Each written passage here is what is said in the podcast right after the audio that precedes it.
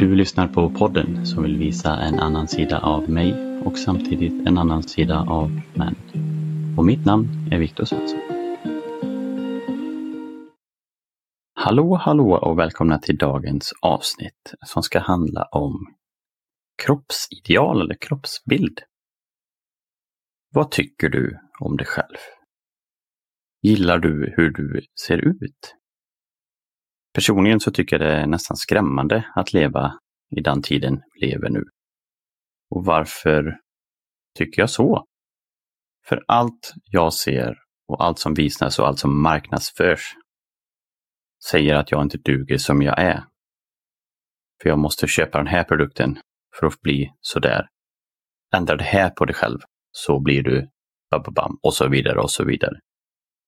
Det är som ett stort svart hål för självkänsla. Det är min uppfattning i alla fall. Men om man kollar mer på mig så vet jag att för många år sedan så hade jag ett mindset där jag tränade för att jag ville se bra ut. Men det mindsetet räckte aldrig till, för jag tyckte jag aldrig såg bra ut oavsett. Och ju mer sociala medier blev modernt och kom upp, desto mer blickar jag på saker jag tyckte var fel på mig själv. Jag hatade att jag alltid fick finnar. Jag gillade inte hur mina fettknölar jag har på min kropp såg ut eller stack ut. Eller ärret jag har på min näsa. Och så, som jag sa just med träningen, så kände jag mig aldrig riktigt stor nog eller stark nog. Eller, det fanns alltid något jag inte var nöjd med. Och letar jag tillräckligt mycket så vill jag, så vill jag nästan förändra allt på mig. Det är bara för att jag var så otrygg i mig själv. Och varför var det så och vem har sett de tankarna i mitt huvud? Jag tror ju att det är verkligen sociala medier och marknadsföring om hur de vill att du ska se ut som i stort sett är omöjligt för du är fin som du är. Men så tänkte jag verkligen inte då. Så nu har jag bildat en sundare bild av mig själv. Och hur gjorde jag det? Dels insåg jag att detta var ju väldigt destruktivt och jag insåg ju att de här tankarna har inte jag satt i mitt egna huvud utan det är faktiskt världen och allt som de pushar på en som har satt dem där. Jag började med att ändra mitt mindset på träning. Till att träna för att se bra ut till att faktiskt träna för att må bra. Och det gjorde att min träning blev så jäkla mycket roligare. Och jag såg mycket mer resultat med vikter och allt möjligt. Och sen började jag också acceptera att det är så här jag ser ut och bli mer bekväm med det.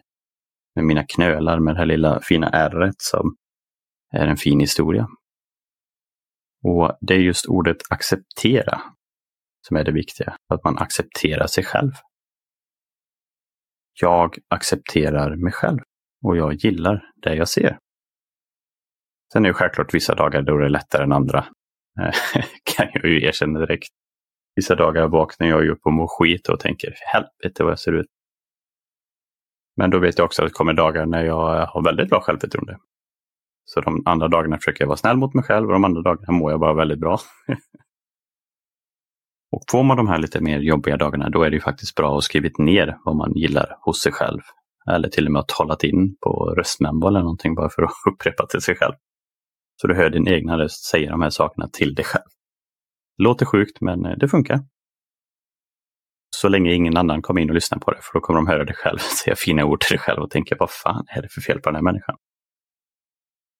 Och vad kan man säga till sig själv då? Jo, men det är ju att säga att du tycker att du själv är fin, att du är vacker. Att mina knölar ser ut som en extra muskler som inte någon annan har. Att ärret på näsan ger mer karaktär till mitt ansikte. Och att det är fullt fucking naturligt att få finnar.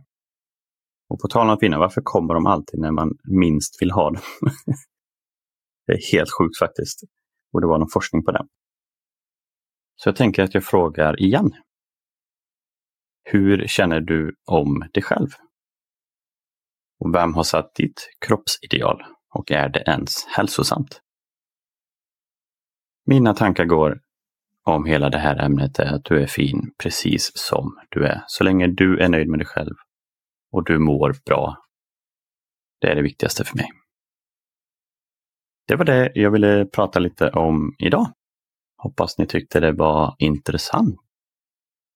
Och kanske fick en liten tankeställare. Som jag fick för många år sedan.